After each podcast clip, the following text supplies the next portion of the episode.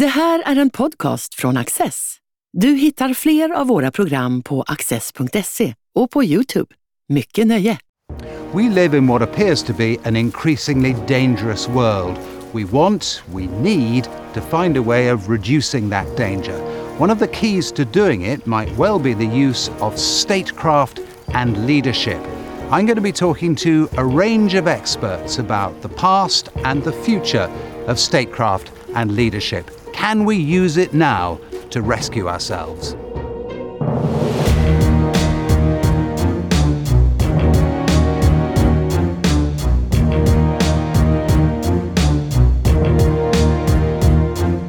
Philip Zelikow is a professor of history at the University of Virginia. Practical leadership has two dimensions, he says. The first we know well, choosing what to do.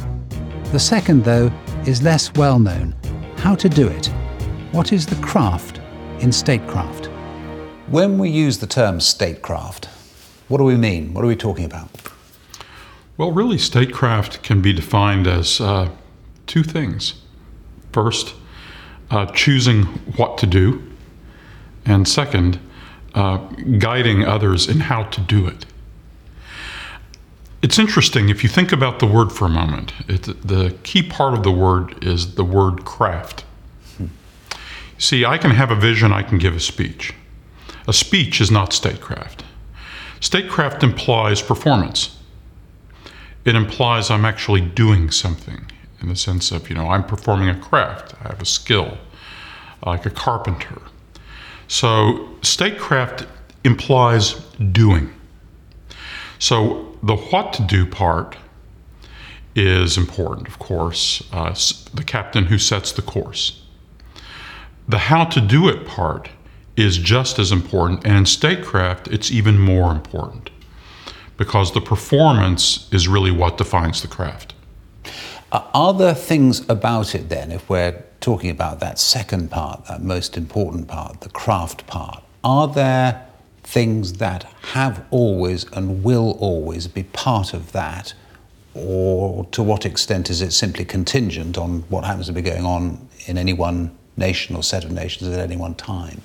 Sure, there are um, immutable things that have to do with statecraft. Statecraft is the art of trying to perform to do something, usually in the context of international affairs or something that involves communities of multiple peoples. So if you think, all right, and this is a particular craft in which I have to understand something about foreigners, I have to understand something about the means available to me in a government, whether these are military things, economic instruments, um, political persuasion. I have to understand something about the workings of my own government and how to pull the levers of power in a way that is effective to move my government to do whatever are the things that I need to do in order to get these things done with these others. So um, it's it's a very complex craft. What I've just described, the parameters of the craft, why we could find in uh, ancient Greece, and we can find them today in Sweden in 2023. Mm. How much is empathy a part of it? Because you think of world leaders as being powerful, and they often are in relative terms. How much of statecraft is also the softer power ability to put yourself in someone else's shoes? I think the I think the most skilled practitioners of statecraft have a very high level of empathy. But um, there are some people who don't have empathy and think they can rely on brute force as a substitute, um, or um, brute coercion. But let me give you an example of what I mean. We assume that empathy is a soft quality, uh, an emotional quality. Um, I wrote some a couple of books having to do with President John F. Kennedy, for example, and the conduct of the Cuban Missile Crisis. And one of those books, I listened to recordings of the meetings that Kennedy secretly taped in the White House. So I probably have spent more time in meetings in the Kennedy White House vicariously than mm. almost anyone serving in the Kennedy administration has. John F. Kennedy had this quality of empathy to a very high degree. But his was not an empathy of warm emotional connection, it was a clinical empathy.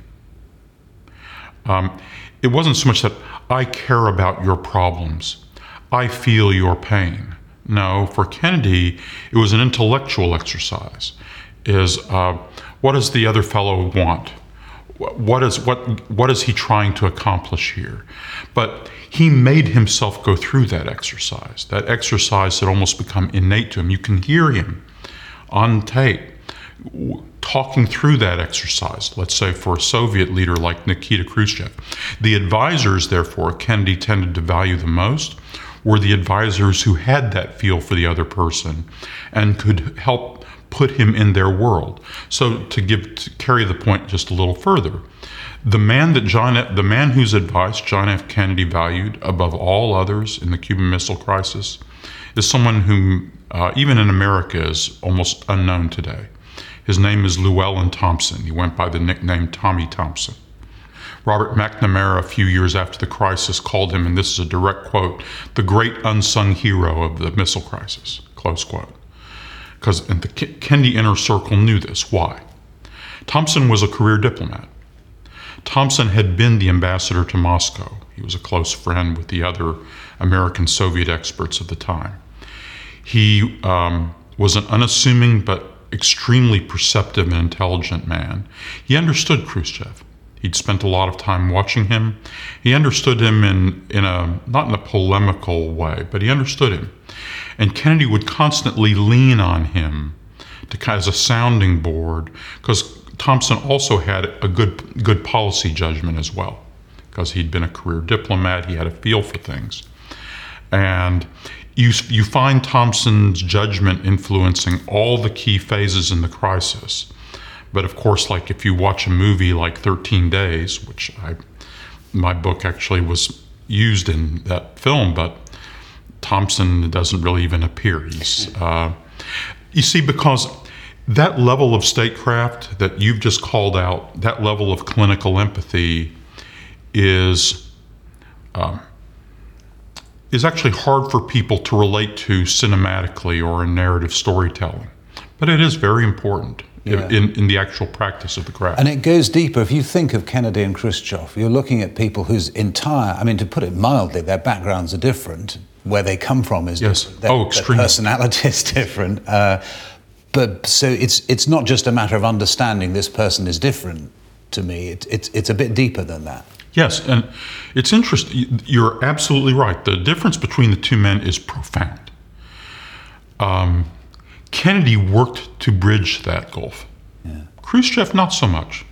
Khrushchev thought he had taken Kennedy's measure when they had a summit meeting in Vienna in 1961. this uh, wealthy, youthful child of Wall Street. Um, oh, he had, I suppose he had some heroic war service. Um, Khrushchev, of course, had been through multiple wars and been close to all sorts of calamities and, and stresses. Uh, he regarded himself as a much tougher person than Kennedy.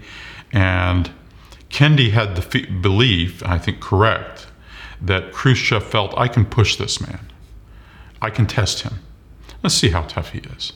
And that he had, Khrushchev had some very earthy ways of expressing this to people. Hmm. Um, and but in that sense, you see um, Kennedy's quality of that empathy, that clinical empathy, was far superior to Khrushchev's. Um, Kennedy was not a soft person.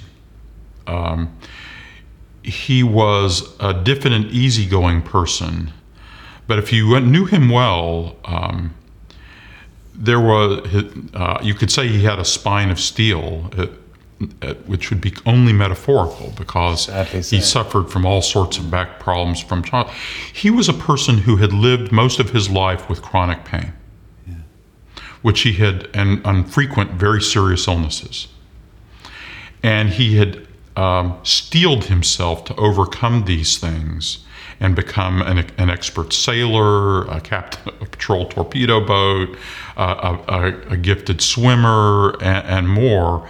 All just so there was an inner core to him that the casual observer might miss.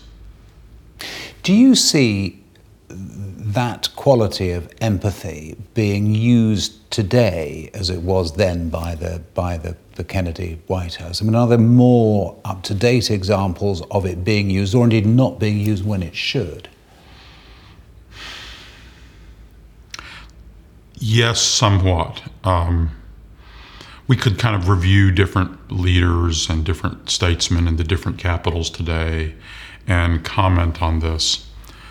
I think President Biden, if you ask President Biden this question, he would tell you that of course he does that.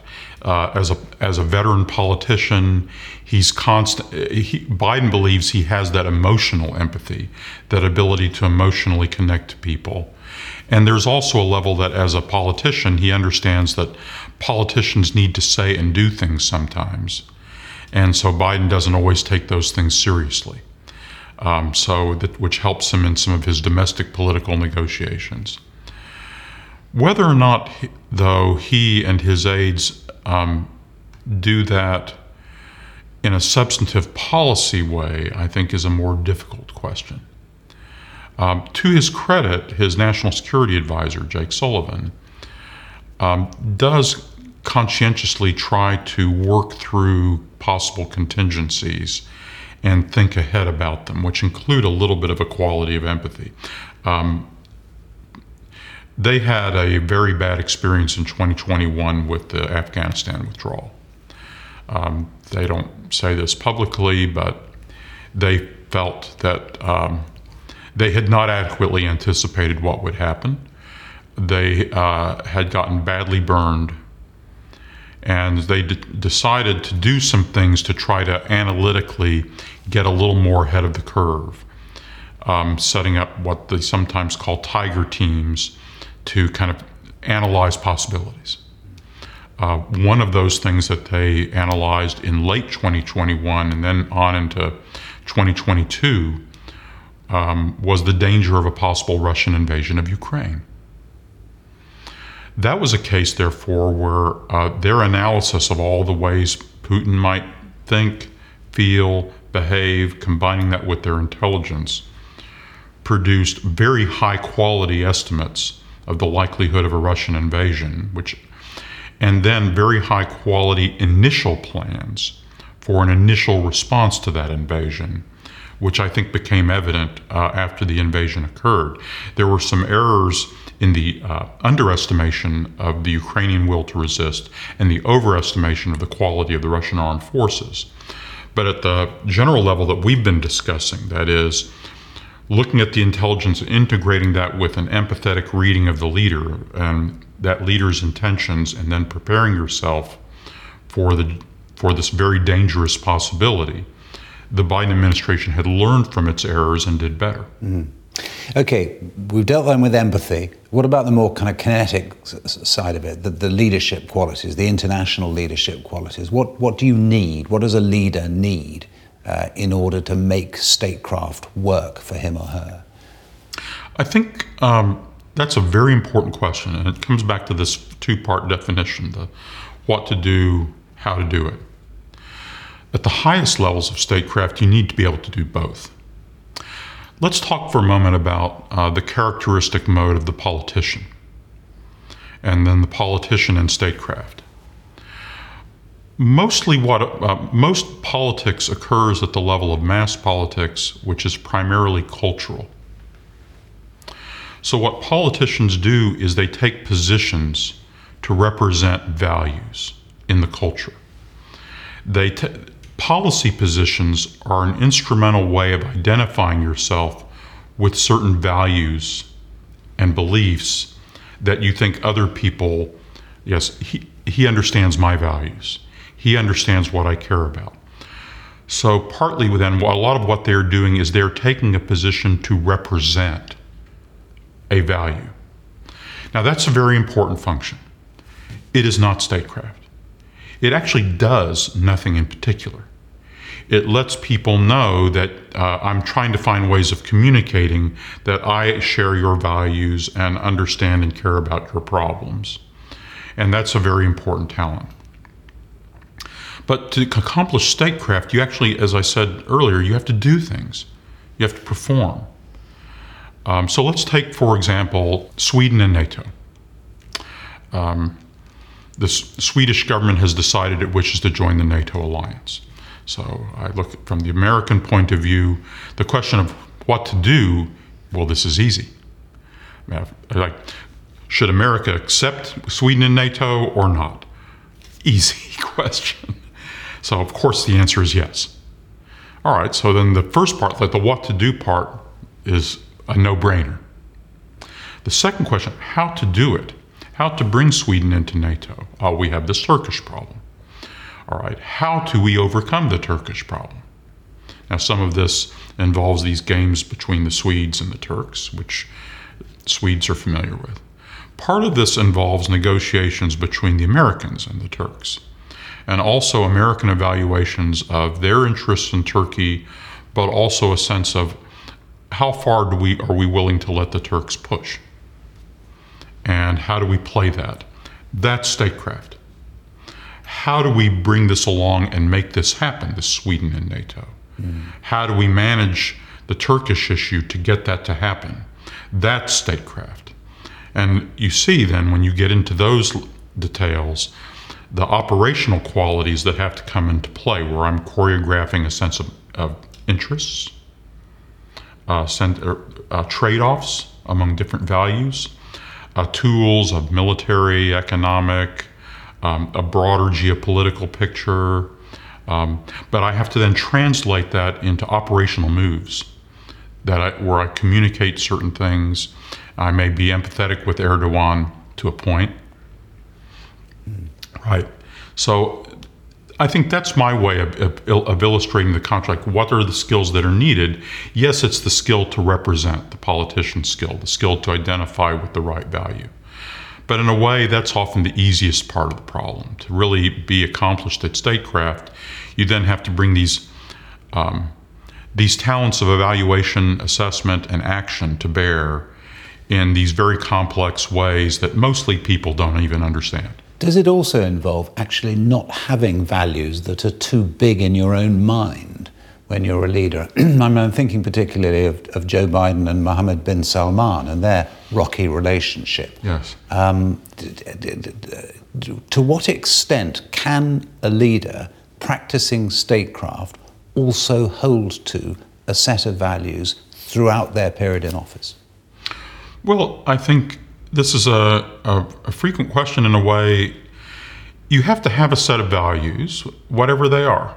Um, if your set of values is to have no particular values about judgments of other countries, let's say, which the Chinese attitudes are, that's a sovereign affair we don't meddle in you know you, you do whatever you want in your country that's their value they call that a, a value of honoring sovereignty right all right so we wear some other values on our sleeves i think that's net a good thing and everyone understands but then that you we still have to try to get things done in the world uh, what do we have to get done that involves saudi arabia um, the Saudi Arabian case is especially complicated. So I go back to, I was the director of the 9 11 Commission. I go back to a lot of, uh, I've worked, I spent a part of my career uh, very involved in uh, problems of the Middle East, Islamist terrorism, uh, things like that. So I remember a time when people were very worried about Saudi Arabia as a source of chaos and violence across the Muslim world. And we back then we used to hope that a different kind of leadership could emerge in Saudi Arabia that would take the country in a more constructive, modern direction, would um, begin to empower women, for example, socially, and make them more part of the society. Well, now we've actually gotten that leader, right? And but the leader is problematical in the ways we all understand. So then how do you what do you do about that? What trade-offs do you make? Um, and how do you do that in a way that is honorable, where you don't uh, say things that are that are palpably untruthful in in the service uh, in the in the instrumental service of your policy goal. I think, uh, frankly, I think a leader exercises better statecraft. There's an image of statecraft that it's all about clever deception. In fact, in general, um, the leaders who are most successful of this are actually regarded as relatively straight and trustworthy by others. That doesn't mean that they all say nice things to each other. They're just straight. You know, you know that we disapprove of certain things. You know how troubled we are by certain things. Yet on these other matters, we need to talk. Mm. Um, right now, for example, there's a question of what can the Americans get done with China? So, one of the things I worked on recently was the COVID pandemic crisis. And I was the leader of a large group of 34 people that did a report on our country's performance in that crisis called Lessons from the COVID War. And we examined the COVID um, crisis mainly from an American point of view, but also global. So then you ask yourself if you want to solve any of these problems, like warning of the outbreak of a pandemic, um, effective regulation of the most dangerous emerging pathogens, and, bi- and, bio- and dangerous biological research, the most risky research. Um, certain uh, the develop- rapid development of global vaccines that are globally distributed. Of course, to take that problem, you're going to want to work with the Chinese. Very hard to solve any of those. It's, you can do it, but very hard to solve those problems without the Chinese. Um, but uh, the, there are obvious limits on what you can expect from the Chinese and how they'll cooperate with you.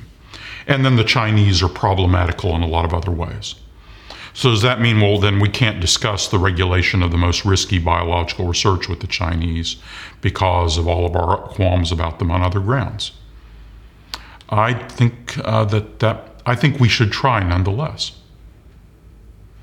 And there, in this age that has more and more of these global transnational issues, these sorts of trade offs are going to come up more and more. Like, okay, who do you need to work with to solve this problem and not just give a speech about it? And then what are the trade offs involved? How much do you care about solving this problem versus swallowing hard at the problematical nature of dealing with people you don't like? Mm. What's the impact on statecraft of one aspect of modernity, which we're all very aware, which is social media and the kind of sense that everyone is talking often nonsense to everyone else all the time, 24 7. But has, has that had an impact on, on how it is done? I think it has had an impact. I think actually too much of an impact. Uh, I think um, there's a huge amount of noise in social media. If you do the studies on this, a very small fraction of the population generates the overwhelming majority of the noisy content, which in general most people do not read. Most people, even when they use social media, do not use social media to get their news or uh, information about public affairs. So, actually, I think the impact of tweets and the impact of social media is mainly exaggerated by the people who use social media and participate in that discourse. That's a really interesting point because when There's, the media then concentrate on it and say, look, this is happening or this is going to be terrifying because you can have fake images and you can house, you're, you're saying, well, it's a problem, are you? But, but n- not a major one. It's, um, you just look, you can just do the data on where do people get their information. Um, actually, a lot of people still get their information from television. Um, they, in general, they don't care very, uh, in America, they don't follow public affairs much generally at all. And to the extent they get mm. public affairs information at all, they tend to get it from, te- uh, from mainstream television first, and then from this and that news, out, some news outlets. Um, when you ask them on what basis people vote, it's mostly just general measures of well being and cultural identification. So if you keep all that in mind, then it helps to kind of put things in proportion. Frankly, if I'm trying to get something done in regulating the most risky biological research, you know, or what pick your problem, getting Sweden into NATO. If spending a lot of time worrying about noisy tweets is a distraction from the from the real work that I need to be spending my time on. Mm. I myself, I don't use social networks um, it's not a good use of my time. Politicians, on the other hand, can't reduce its impact, even if they don't do it personally, Right. can't reduce its impact on them domestically, can they? But you're saying that they can they can put it to one side. and Here's should. their argument in their world um, and in the world of people who do communications is that um, certain demographics disproportionately use social media, especially youthful demographics. To reach those demographics, we have to tweet out our message or our promotions or our advertising, you know, on those um, bandwidths. Okay, I get that. But um, and that's and so if you need to have an arm of your communications enterprise that pushes out your message uh, on those frequencies, go ahead. But don't confuse that with you know that's that's where you should spend your time doing your operational work. And when it comes back to that operational work and the, the operational work of statecraft, d- do we study it enough as a final thought? Do we, uh, because you think of, I don't know, Machiavelli and you think of all the whole sort of history of people who have studied statecraft and written about it, are, are we thinking enough about it now, academically? No, we're not. But the solution to that is I'm actually not that big a fan of, well, we need to study these uh, great thinkers. We need to read Machiavelli, who, you know, has all these axioms, and, you know, we need to read and learn the ancient, the wisdom of the ancients, uh, or, you know, or great captains. I, I, I'm not sure. When I, I'm actually more literal minded about how you actually get things done and how you learn how to get things done.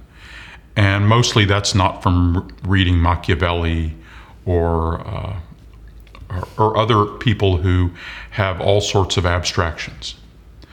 What is really valuable is history. Why? Because if you want to uh, learn how to do things, the best thing to do is to vicariously experience doing things in more lifelike ways.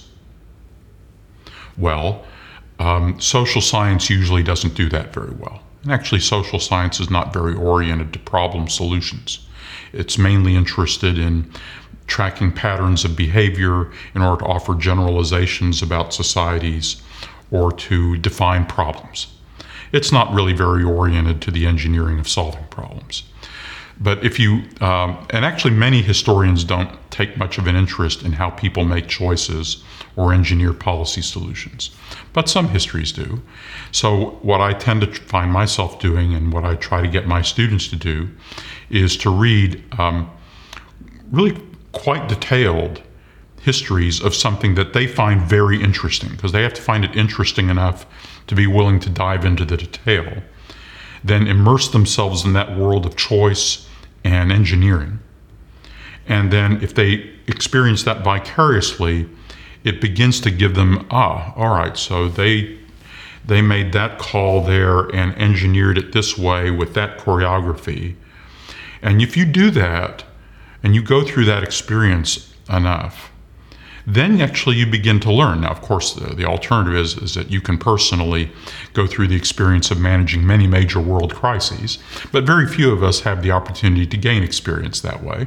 So vicar- vicariously is, is probably safer. Like if doctors could learn to do surgery by practicing on live patients, but we prefer that, that they practice in less um, risky settings.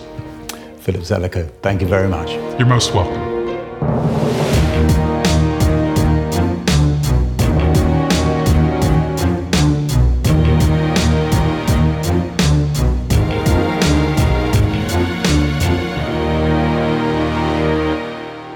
Du har just lyssnat på en podcast från Access.